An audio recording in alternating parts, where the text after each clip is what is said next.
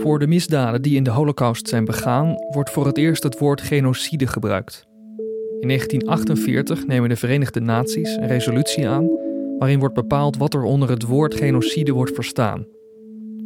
Opvallend is dat in elke genocide ook kinderen het doelwit zijn.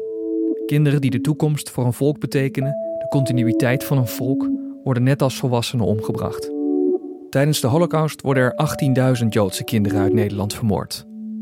Kinderen die via de Hollandse Schouwburg in Amsterdam worden gedeporteerd, worden tijdelijk ondergebracht in de crash aan de overkant. Hier ontstaat een uitzonderlijke samenwerking tussen het verzet, leden van de Joodse Raad en de kinderverzorgsters. Uit de crash zijn ook foto's bewaard gebleven en Annemie Kringold beschrijft er daarin van. Nou, het is hier zomer in Amsterdam met korte mouwen en drie mooie vrouwen.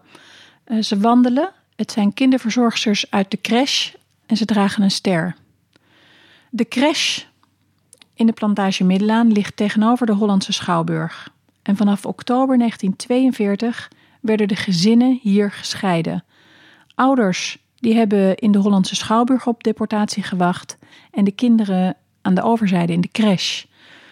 De kinderverzorgsters die we ook hier zien, het is Hilde Jacobstaal, Margot Hertz en Margot Stern, die zorgden dus voor die kinderen, maar die waren ook cruciaal in de redding van een aantal kinderen. Zo'n 600 kinderen zijn uit de crash weggekomen en hebben de oorlog overleefd. Omdat de crash tegenover de schouwburg lag, ging de Duitse bezetter ervan uit dat die kinderen zonder hun ouders niet zouden wegkomen. En mochten kinderverzorgsters dus af en toe een ommetje maken. En dat is wat we hier zien. Ze lopen door de buurt en dat is ook de gelegenheid dat kinderen een enkele keer aan het verzet konden worden overgedragen. Dat is Salo Muller bijvoorbeeld overkomen. Hij overleefde de oorlog op talloze onderduikadressen nadat hij in de Hollandse Schouwburg zijn ouders voor het laatst zag. Mijn overbuurman, dat was meneer Koltoff, een aardige man met een kaal hoofd en een brilletje op. En de man werd dus gevraagd om mij van school te halen en om mij dan te brengen naar de Schouwburg waar mijn vader en moeder waren. Want daar hoorde ik dus bij. Ik zag ze dus op het toneel staan. Uh, dat, dat, was een, een, toch een hele vervelende zaak. Uh, ik zeg dat heel simpel, maar het, heeft een, toch een enorme indruk op me gemaakt. Later ook in mijn dromen ook. Ik zag ze, ik wilde naar ze toe. Ik mocht dus niet weer tegengaan, want ik werd naar de, naar de crash aan de overkant van de Schouwburg gebracht.